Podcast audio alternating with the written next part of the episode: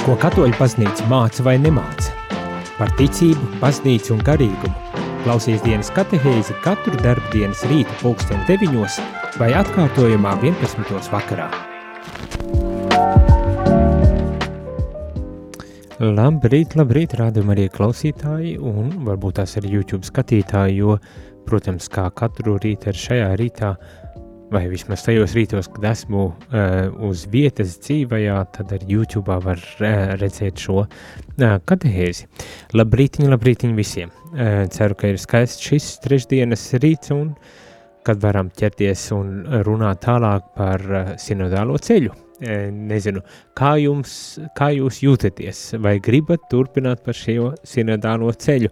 Droši vien, ka nav labi uzdot šādu jautājumu, jo mans plāns ir tik un tā turpināt, lai tiešām mēs zinātu par to, kas te notiek Romā, un kas notiek arī šajās beidzamajās dienās, jo 29. oktobrī, ja ne 8. vai 29. oktobrī, noslēdzas šis, sinodāl, šis sinode Romā.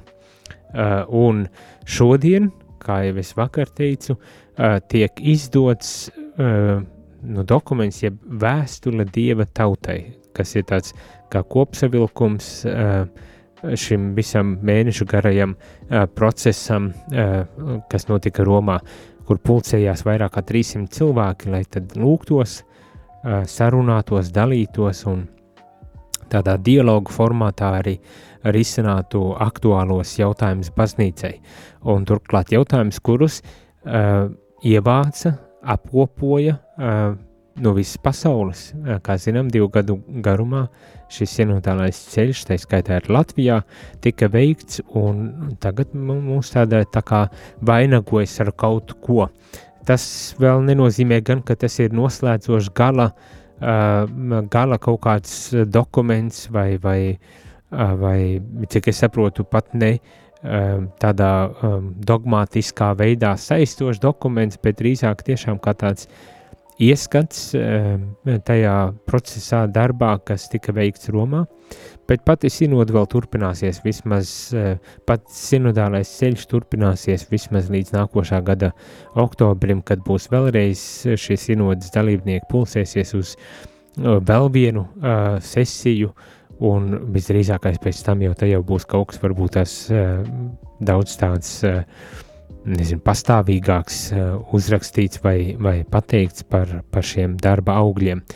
Katrā ziņā uh, šis sinodālais ceļš, šī, šis veids, kā uh, notiek šī sinode, šis veids, kā tiek organizēts um, darbs, bet uh, kā tiek veikta šīs sarunas, kā kā mēs savstarpēji veidojam attiecības baznīcā ar šo sinodālo ceļu, tiek norādīts kā tāds uh, vēlamākais veids, kā to darīt. Un ļoti uh, iespējams pat arī visatbilstošākais mūsdienu kultūrai uh, veids, ņemot vērā to, ka mēs visi pastāvam uz savām tiesībām un brīvībām un gribam, lai mūs visus ciena un respektē un uh, un uzklausa un ņem vērā, tad laikam tā vien šķiet, ka eh, bez šādas garīgas sarunas, bez šāda dialoga, bez šādas kopā būšanas, eh, tas nebūtu nav iespējams un kopā arī darīšanas. Turklāt man personīgi vismaz šķiet, ka uh, pasaulē arī ir gana sarežģīta, lai, vieni paši, lai vieniem pašiem mums to nevajadzētu mēģināt saprast un vēl jau vairāk izdzīvot, kad baznīca mācīja no laiku sākumiem, ka mm, kopienā tas ir daudz vieglāk paveicams. Ja arī ne bez izaicinājuma, tad tomēr ar savstarpēju atbalstu tas ir paveicams. Šodien mēs turpinām pārdomāt par šo sinodi, darbā šo vēstuli dieva tautai. Es vēl neesmu pamanījis, ka viņi būtu internetu vidē ielikta jau. Es ceru, ka drīzumā arī būs, bet pilnīgi bez kādiem uztraukumiem un raizēm. Tiklīdz šī vēstule būs publicēta, tā ķersimies klāt arī mēs, lai pārlasītu un tad, lai dzirdētu, kā, kas tad ir šis, eh, šī visa lielā mēneša garā, gandrīz mēneša garā darba rezultāts. Bet tagad uh, skatoties un sekojot līdzi, kas notiek Romā un par ko tiek runāts, tad uh, viena no lietām ir, kad tiek piedāvāts jau tādi, tādas kā pārdomas, teoloģiskas pārdomas par šo, uh, kā teikt, sintēzes ziņojumu, uh, kas es pieļauju būs ar kaut kādā veidā uh, atspoguļots ar šajā vēstulē Dieva tautai, kur, ar kuru visi varēsim iepazīties.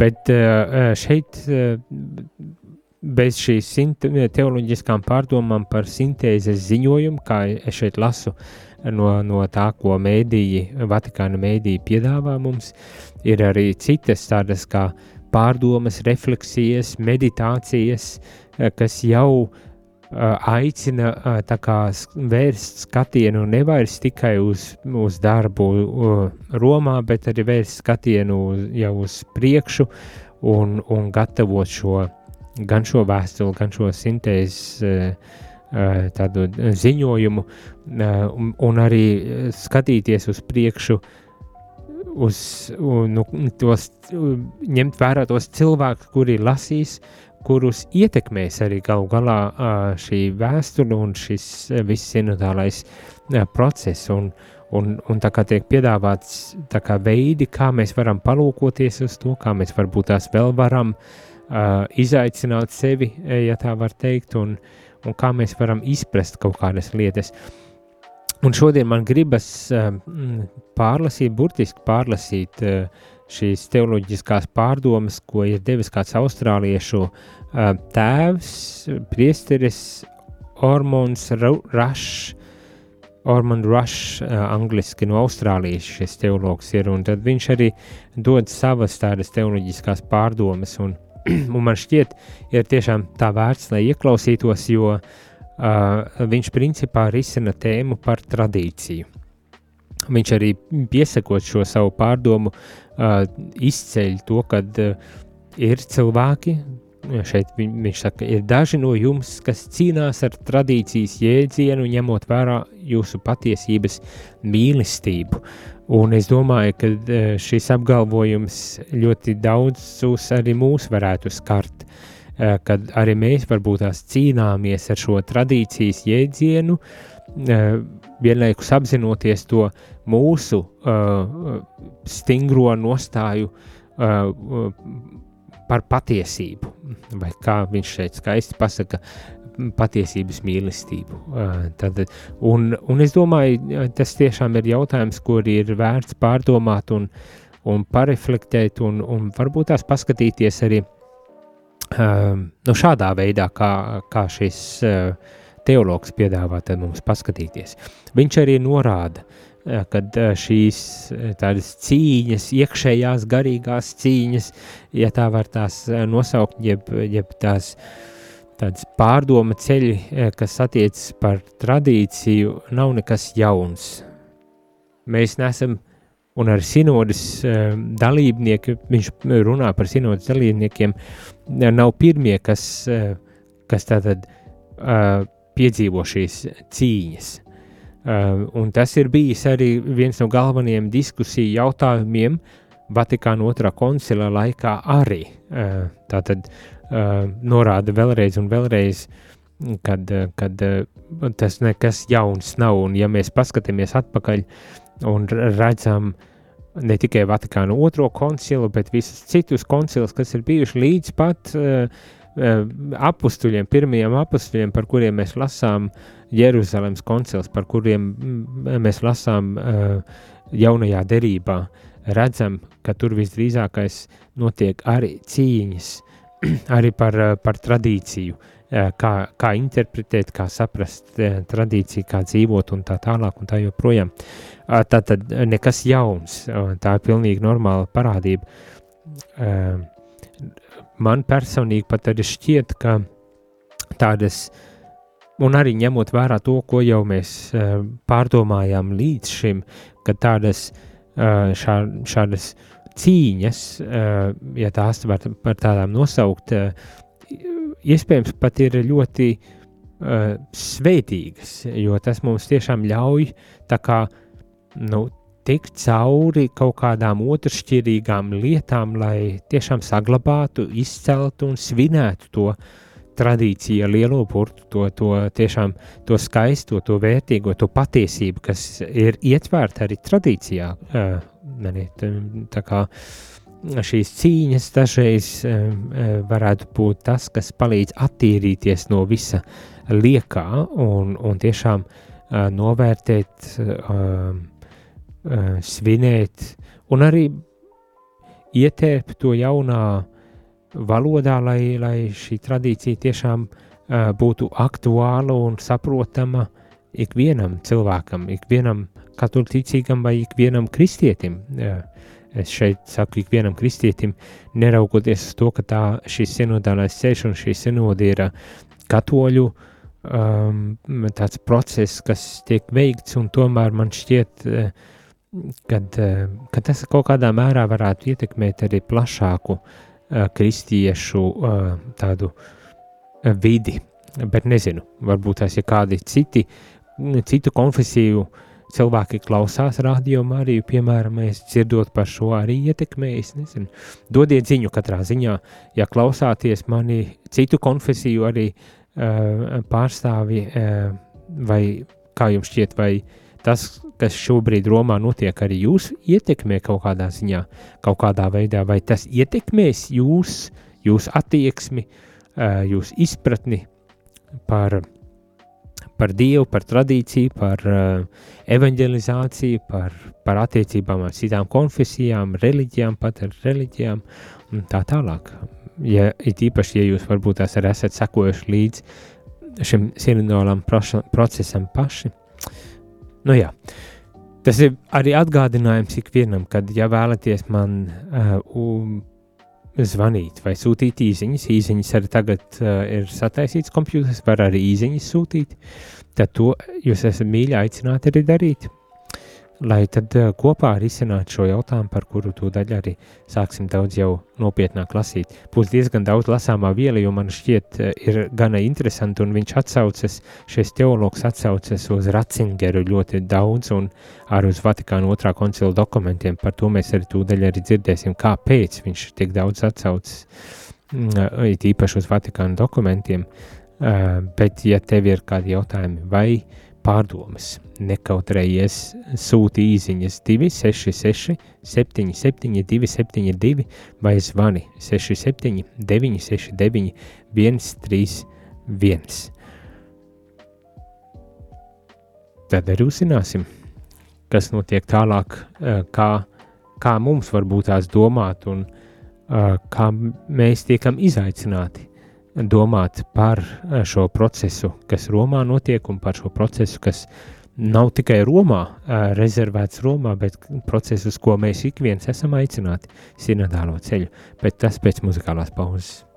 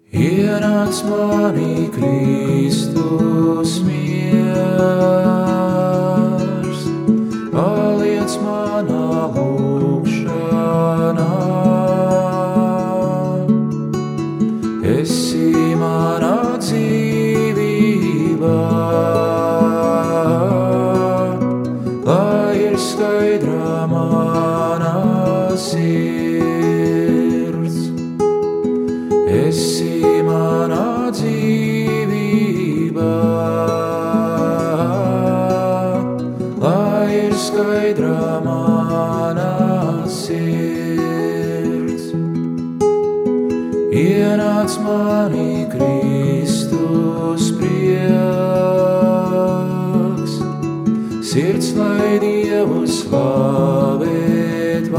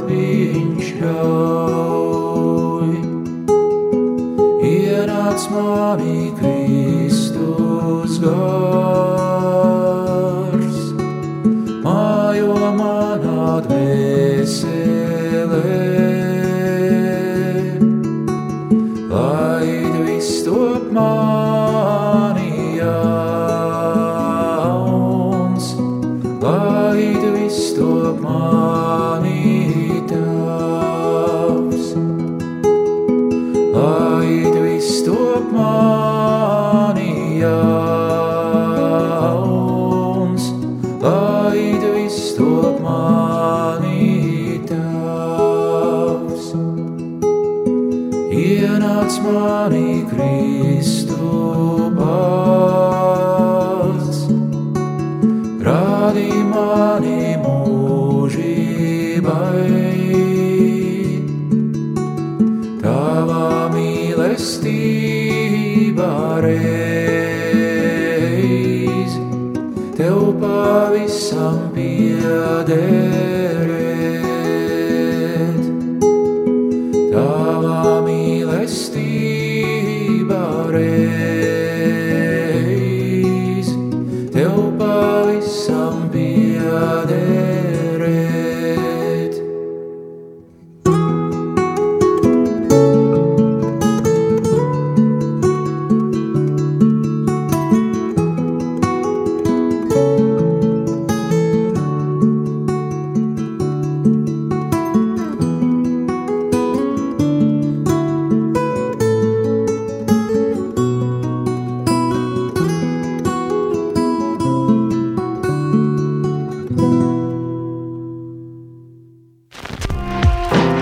klausāties dienas katehēs, kas ir iespējama pateicoties jūsu ziedojumam. Paldies!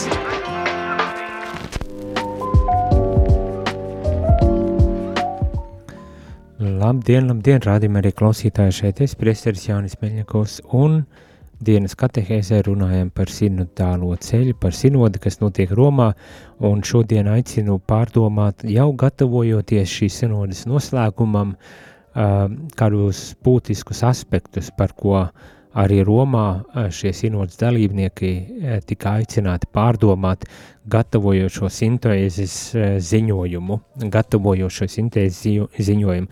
Un kā teicu, uh, kāds austrāliešu teologs, uh, priesteris, uh, uh, piedāvā tādu pārdomu par tradīciju, apzinoties to, ka ir uh, daži no dalībniekiem, sinodas dalībniekiem, tādās kā uh, cīņās uh, par šo tradīciju, īpaši ņemot vērā šo viņu patiesības mīlestību, lielo patiesības mīlestību. Es domāju, mēs daudzi, nu, vai vismaz daži, kā arī šeit tiek teikts, uh, iespējams piedzīvojam ko līdzīgu, un tādēļ, manuprāt, ir vērts arī ieklausīties, apzinoties, ka tas nav arī nekas jauns. Un uh, tas ir uh, tādas līdzīgas cīņas, ir notikušas arī Vatikāna otrā koncila laikā. Uh, bet, uh, kā šis autors saka, kad varētu būt noderīgas arī un vērts, tā vērts, lai atcerētos jautājums, ar kuriem Vatikāna otrā koncila dalībnieki cīnījās vai par kādiem jautājumiem diskutēja un kādas atbildes viņi arī saņēma attiecībā uh, uz šiem saviem jautājumiem. Tad Vatikāna otrā koncila laikā piedzīvo tādas pašas uh, cīņas uh, par tradīciju, un ir vērts ieklausīties un dzirdēt, kādas atbildes dod šie, uh, šie sinu, koncila dalībnieki, jo iespējams, ka tas arī mūs varētu vadīt, un kā arī šis rašs teologs, kurš piedāvā šos pārdomus, saka, kad šo Vatikāna koncila uh, dalībnieku atbildes mums ir autoritāte, lai vadītu mūsu pārdomas par jautājumiem, ar kuriem saskaramies šodien. Tātad Vatikāna otrā koncila atbildes arī mums ir uh, autoritāte, kas var palīdzēt un vadīt mūs, mūsu jautājumus risinot. Uh, šodien tas ir sinodē, un es domāju, ikvienam arī šīs sinodālā ceļa laikā. Um, Tātad uh, viņš uh, dod tādu piemēru uh, par uh, Vatikāna otrā koncila uh, dokumentiem, darbu, kas tiek uh, veikts. Un, un viņš saka tā, ka jautājumi par tradīciju, protams, arī e, pilnīgi e, priekšplānā parādījās. Un e, 1962. gada pirmajā sesijā e, tika piedāvāts teksts e, vai teksta projekts par atklāsmes avotiem. Tātad tika runāts par atklāsmes avotiem un uzrakstīts pat arī tāds kā teksts, kā tāds uh, dokuments, uh, ko piedāvāja um, sinodes uh, dalībnieki, tas ir koncila dalībniekiem, lai to apstiprinātu. Uh, kā šis teologs saka, šis dokuments tika uh, sarakstīts ļoti tādā neoscholastiskās kategorijās, kurās par atklāsmi, ticību, svētajiem rakstiem un tradīciju tiek runāts lielākoties viendimensionāli, tikai doktrinālos izteikumos. Uh, tad, kad šis dokuments uh, tika par atklāsmi, uh, par atklāsmes avotiem tika pasniegts bīskapiem, koncilēt tātad dalībniekiem, tad tas arī tika noraidīts arī pats pāvests Jānis 23. piekrita, ka ir nepieciešams pilnīgi jauns teksts, jo šis teksts bija tik tādā valodā sarakstīts, kas, kas šķita neatbilda uz uh, tā laika uh, cilvēku vajadzībām. Un tad uh, bijušais pāvests, bet uh, Vatikāna, laik, dok, Vatikāna koncila laikā vēl kā teoloģiskais konsultants piedalījās arī Jozefs Ratzingers, jeb uh, kā mēs varbūt tās um, daudz pazīstam viņu jau šobrīd kā pāvestu Benediktu 16. Uh, vēl pirms tikai pāris gadiem aizgāja mūžībā. Tātad, un viņš uh, skatās uz šo problemātiku, ar ko Vatikāna koncils saskāries ir un pēc tam un viņš piedāvā tādu kā savu uh, refleksi pārdomu um, uh, par to, kas notiek. Un viņš tā kā formulē diskusiju pamat problemātiku, uh, uh, un šādā veidā viņš to dara. Uh, un šeit ir arī tāds uh, citāts no uh, Jozefa Ratzingera, jeb uh, vēlāk pāvesta Benedikta 16. Tad viņš saka, vai bija jāturpina antimodernisma intelektuālā nostāja, vecā ekskluzivitātes nosodījuma un aizstāvības politika, kas novad pie gandrīz neirotiska visa jaunā nolieguma. Tā viņš šādā veidā, Jozefs Ratzingers runā par Vatikānu koncila um, procesu dokumentiem, kas tiek uh, rakstīti. Vai tiešām ir jāturpina antimodernisma intelektuālā nostāja, vecā ekskluzivitātes nosodījuma un aizstāvības politika, kas novad pie gandrīz neirotiska visa jaunā nolieguma.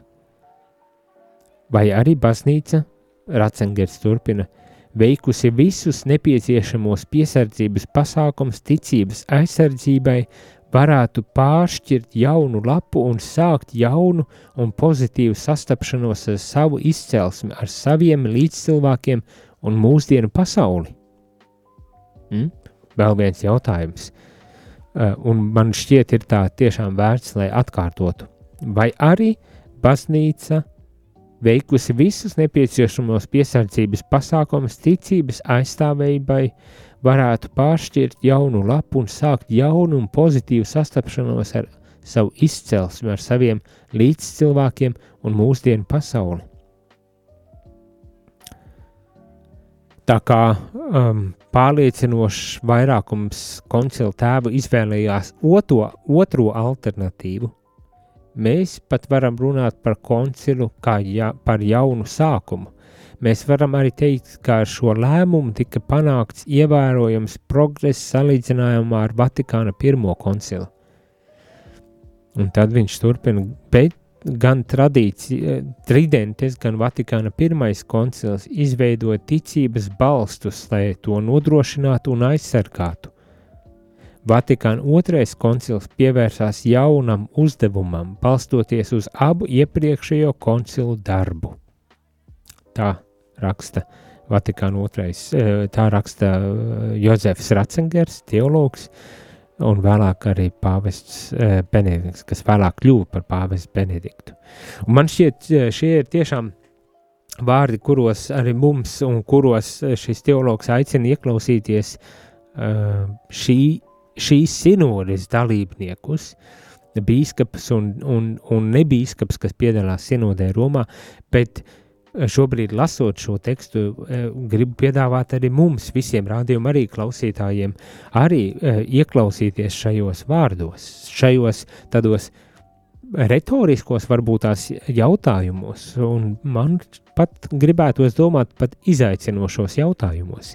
Nolasīšu vēlreiz šos divus jautājumus, uh, un atbildi no jums gaidu, kāda, kāda ir jūsu nostāja, kāda ir jūsu um, uh, pozīcija, vai, vai mēs paliekam pie visa vecā uh, paturēšanas, kā cīņu pret modernismu, vai gluži otrādi, um, mēs um, pasargājot, uh, kā teikt, ticību, uh, esam spējīgi tomēr uh, kā vērties, skatīties uz priekšu un risināt mūsdienu problēmas un jautājumus.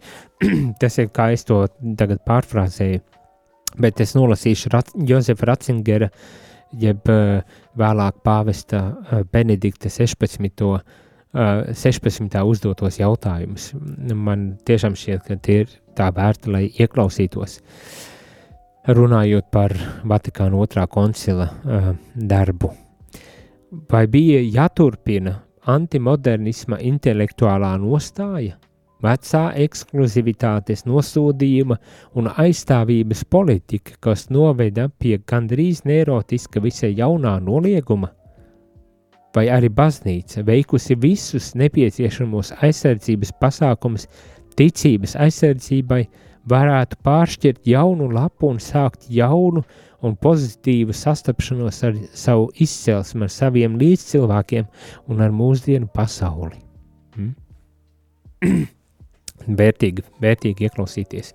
Un tad uh, Ra Ratzingers paturpina sakot, ka uh, ir bijuši vairāki koncili, un viņš īpaši atsauc uz Tridents koncilu, Vatikānu pirmo koncilu, sakot, ka šie koncili ir uh, kā balsts, uz kā pamat mēs varam arī iet šo un un, un nebaidīties šajā otrā Vatikāna koncilā pievērsties jauniem uzdevumiem, jauniem jautājumiem, tieši pateicoties tam, ka varam balstīties uz abu iepriekšējo koncilu darbu. Un mēs arī varam balstīties uz Vatikāna koncila, lai risinātu mūsdienu problēmas un jautājumus šajā sinodē. Tas ir tas aicinājums, Eh, vai, vai tas izaicinājums šajā brīdī ar šiem retoriskajiem eh, vai ar šo tādu atskatu uz, uz Vatikānu koncila procesu un Ratzengera uh, izteikumiem par šo darbu. Un tad arī uh, turpinot, uh, Ratzengers uh, turpina par šo Vatikānu otro koncilu, uh, un viņš saka, Vatikānu koncila laikā Eh, saskatījām eh, spriedzes avotus, eh, ko viņš raksturo šādā veidā, kas izrietēja no diviem, diviem pieejamiem tradīcijai. No vienas puses, tā dēvētā statiskā mm, pieejams, statiskais pieejams tradīcijai, un otrs puses atkal dinamiskais tādas tradīcijas izpratnes veids.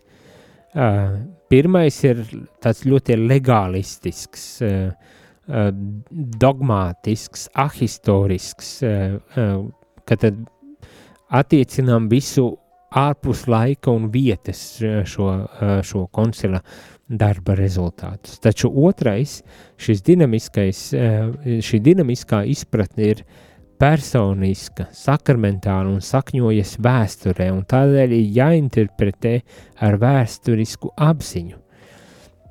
Ratzingers saka, pirmā tendence ir koncentrēties uz pagātni, otrā uz pagātnes redzējumu, kas īstenojas tagadnē, un tomēr ir atvērta nākotnē, kas vēl tikai atklāsies. Ša, tātad šis dinamiskā izpratne, tradīcijas dinamiskā izpratne, lai arī skatās uz vēsturisko mantojumu, uz pagātnes redzējumu, kas īstenojas tagad, ir tomēr atvērta uz nākotni, uz atklāsmes, nākotnes tādu attīstību, kas vēl tikai atklāsies, tā teik, šeit tiek, teik, tiek teikts. Lai raksturot šo, šo otro dinamisko tradīcijas tādu pieejamību, jeb izpratni, koncils lietoja frāzi dzīva tradīcija Dei verbum. Mēs lasījām pagājušajā gadā katehēzēs, priestera katehēzēs ar šo konstitūciju Dei verbum 12. punktā tradīcija šajā uh, Ratzingera uh, piedāvātajā izpratnē, dinamiskajā izpratnē tiek arī formali, formala, formulēta kā dzīva tradīcija, kā dzīva tradīcija. Uh, ne tāda statiska, sasalusi, uh, uh, uh, iesīkstējusi, uh, bet, bet kā dzīva, dinamiska tradīcija. To saka Vatikāna otrais koncils, un kas, kas mums, kā katoļiem, katoļu baznīcai, ir arī uh, autoritāte mūsu uh, ticības izpratnē un, un ar baznīcas tradīcijas dzīvošanā, izdzīvošanā. Uh, Deja verbum 8. punktā, tos punktus varbūt tās nav obligāti jānosauc, bet, ja gadījumā kāds grib pasakot līdzi, tad to var darīt. Tātad deja verbum 8. punktā, runājot par dinamisku, nevis statisku, apostoliskās tradīcijas izpras, izpratni, tiek mācīts sekojušais, ka tradīcija, kas nāk no apustuļiem ar svētā gara palīdzību, progresē, kvadrāti iekaviņās attīstās baznīcā. Tad tradīcija, kas nāk no apstuļiem, svētā gara, ar svētā gara palīdzību progresē baznīca, attīstās baznīcā. Pieaug izpratne par realitātēm un vārdiem, kas tiek nodoti tālāk. Tātad Dei verbum, Vatikāna otrā koncila dokuments saka, ka tradīcija var attīstīties baznīcā pieaugt izpratni par realitāti un vārdiem, kas tiek nodoti tālāk. Un tad eh, šis dokuments, Vatikāna otrā koncila dokuments, eh, runā par trīs savstarpēji saistītiem veidiem, kā svētais gars vada apostoliskās tradītī, tradīcijas attīstību. Tātad svētais gars vada tradīcijas attīstību ar teologu darbiem, ticīgo dzīves pieredzi, un maģistērija pāraudzībā. Un tad šis teologs, eh, kas piedāvā šīs pārdomas, saka, un vai tas nav sinodālā baznīca? Hmm? Vai tā jau nav sinodālā baznīca, kas ir ielikta Vatikāna otrā koncila dokumentos? Ar to it kā uh, liekot aizdomāties, ka tā tas arī ir, ka tiešām tā tas ir. Uh, ka šī sinodālā baznīca nav jaunums nekāds, ir jau no laiku sākumiem. Jēzus jau ir uh, lietojis šādu uh, metodu, un, un baznīca regulāri ir uh, atgriezusies pie šī sinodālā ceļa, un šobrīd mēs esam aicināti to aizvien skaidrāk apzināties un arī īstenot savā dzīvē. Bet tātad, ja domājam par tradīciju, tad, tad mums nav jābaidas, mums nav jābaidas. Bailes uh, ir pretēji dievam. Bailes nenāk no dieva. Bailes uh, nu, iznīcina jebkādu cerību uh, un, un ticībai. Ticībai un, un, un, un mīlestībai nav vietas.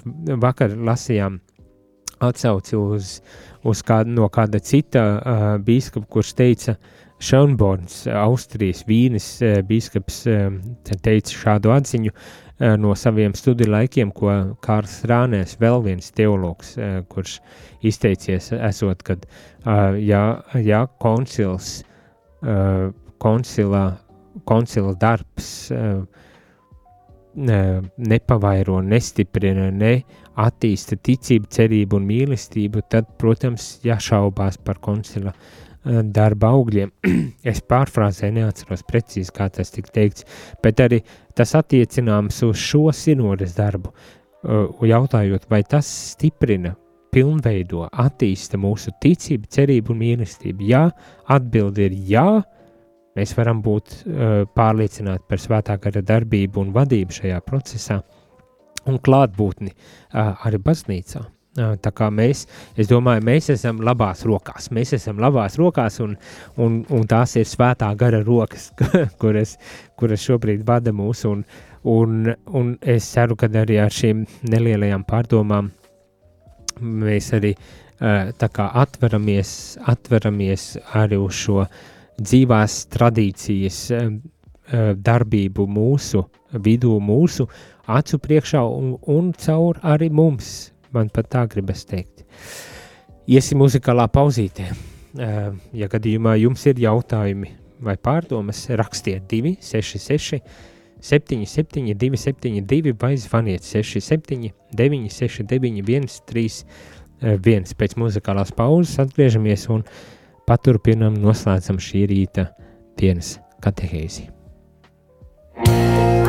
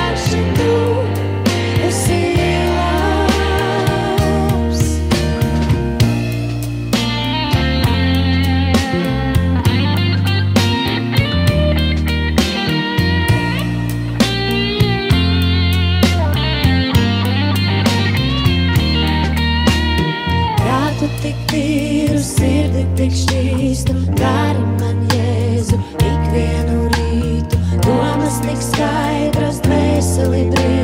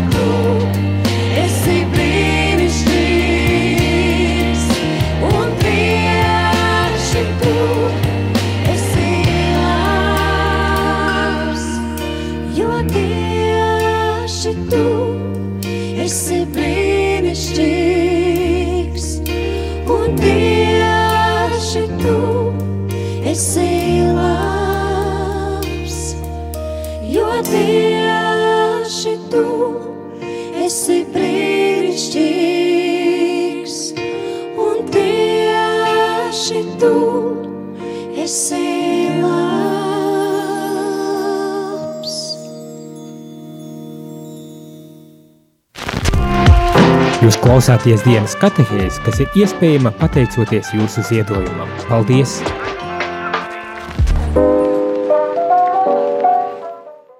Labrīt! Labdien, rādījumā arī klausītāji, šeit priesteris Jānis un dienas katehēzes noslēgumā vēl kādu atziņu pārdomu par gatavojoties sinodas noslēgumā par tradīciju sakarā ar to, kad daudziem uh, visdrīzākais tas ir liels izaicinājums, kā, kā tagad atbildēt uz mūsdienu jautājumiem, nekompromitējot uh, patiesību, uh, ko bieži vien uzskata kā tradīcijā saglabātu. Un, un līdz ar to arī nemainīgu, bet uh, šeit mēs tiekam izaicināti skatīties daudz niansētāk arī uz, uz tradīciju un, un izprast uh, tradīciju, patiesību un, un baznīcu, baznīcas vietu un attīstības iespējas, tradīcijas, attīstības iespējas, saglabājot patiesību nemainīgu. Un uh, Vatikāna otrais koncils dod mums tādu kā vadlīniju, vadību uh, šajā izpratnē, un arī uh, atsaucoties uz uh, Jozefa Ratzingera, tajā brīdī vēl teologu, bet vēlāk jau zinām, kā pāvests Benedikts 16. tad arī piedāvā vērtīgu ieskatu un pārdomas uh, risinot šo uh, problemātiku. Un vēl noslēgumā gribas arī atsaucoties um, uz Ratzingeru, um, runājot um, par šo dinamisko tradīcijas izpratni, um, vēl dažus citātus no Ratzingera dot.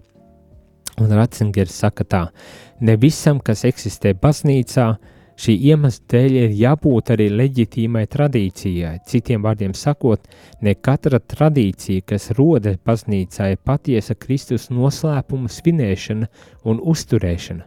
Pastāv gan izkropļojoša, gan leģitīma tradīcija. Līdz ar to tradīcija nav jāaplūko ne tikai pozitīvi, bet arī kritiski. Mums ir svētie raksti, kā šīs nepieciešamās tradīcijas kritērijas, kritikas kritērijas, un tādēļ tradīcija vienmēr ir jāsaista ar tiem un jāvērtē pēc tiem svētiem rakstiem, tā domājot. Tad vēlreiz nolasīšu šo Ratzingera atziņu, kas atkal, es domāju, daļu no mums varētu pat izaicināt. Tātad par to uh, tradīcijas, kad ir dažādas tradīcijas. Es, es mīlu teikt, ka ir, ir tradīcija ar lielo burtu un tradīcija ar mazo burtu, bet uh, Ratzingers, manuprāt, to daudz precīzāk un skaistāk uh, apraksta uh, ar, ar, ar ļoti uh, tādiem spēcīgiem arī vārdiem. Tātad viņš saka, ne visām, kas eksistē baznīcā, šī uh, iemesla dēļ jābūt arī leģitīmai tradīcijai. Citiem vārdiem sakot, ne katra tradīcija, kas rodas baznīcā, ir patiesa Kristus noslēpuma svinēšana un uzturēšana. Pastāv gan izkropļojoša, gan leģitīma tradīcija. Līdz ar to tradīcija nav jāplūko ne tikai pozitīvi, bet arī kritiski. Mums ir svētie raksti, kā šīs nepieciešamās tradīcijas kritikas kritērijs. Tātad svētie raksti kā tradīcijas kritikas eh, mēraukli pārfrāzējot. Un tādēļ tradīcija vienmēr ir jāsaista ar svētajiem, jā, ar svētajiem rakstiem un jāizvērtē pēc svētajiem rakstiem. Uz šiem diviem atšķirīgiem tradīcijas izpratnes veidiem norāda arī pāvests Francisks, eh, runājot par katoļu baznīcas katehisma eh, pasludināšanas 25. gada dienu. Uh, un Pāvests Francisks arī saka sekojošu domu, un ar to tad arī šajā rītā uh, noslēgsim. Uh, vēl ir drusku palicis no šīm refleksijām, par kurām tad arī paturpināsim nākošajā katehēzē piekdienas rītā, bet, bet noslēgsim šajā rītā par runājot par tradīciju, atsaucoties arī uz pāvestu Francisku, patreizējo pāvestu. Un viņš saka tā, tradīcija ir dzīva realitāte, un tikai daļējs skatījums uz ticības depozītu raugās kā uz kaut ko statisku. Dieva vārdu nevar apvilkt kā kādu vecu segu, mēģinot aizturēt kukaiņus. Nē, Dieva vārds ir dinamisks un dzīva realitāte, kas attīstās un aug, jo tā mērķis ir piepildījums, kuru neviens nevar apturēt. tā pāvests Francisks par uh, tradīciju, ka tā ir dzīve realitāte, kuru mēs nevaram vienkārši tā uh, saglabāt kā kaut ko statisku, un viņš lieto tādu metaforu uh, kā segas uzmešanu uz kukaiņiem, lai tos uh, uh, aizturētu. Bet, kad Dieva vārds ir dinamiska un dzīva realitāte, kuru nevaram mēs iesaldēt un apturēt. Dieva vārdam ir mērķis piepildījums, un tādēļ tas arī dodas. Dieva vārds arī pildi šo savu funkciju, savu mērķi sasniedz. Nu, tālūk. Um, domāju, ka gana izaicinoši. Um, neviens neko neteica, neviens neko nerakstīja. Um, nezinu, varbūt tās pārāk izaicinoši, bet uh, Es domāju, ir tā vērts, ieklausītos arī šīs sinodas kontekstā. Tiek rakstīts priekš sinodas dalībniekiem Romā, domājot par noslēdzošā tāda sintēzes e, dokumenta sarakstīšanu, par kuru tad mēs arī visdrīzākais kaut ko uzzināsim e, e, vēstulē Dieva tautai, kurai šodien vajadzētu iznākt Romā, par kuru tad mēs uzzināsim pavisam drīz arī mūsu katehēzes, tik līdz tas būs uh, uh, publicēts.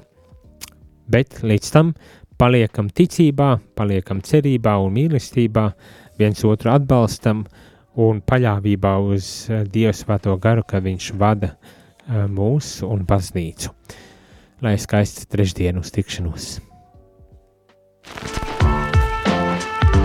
Izskanēja dienas katehēze, kas ir iespējama pateicoties jūsu ziedojumam. Paldies!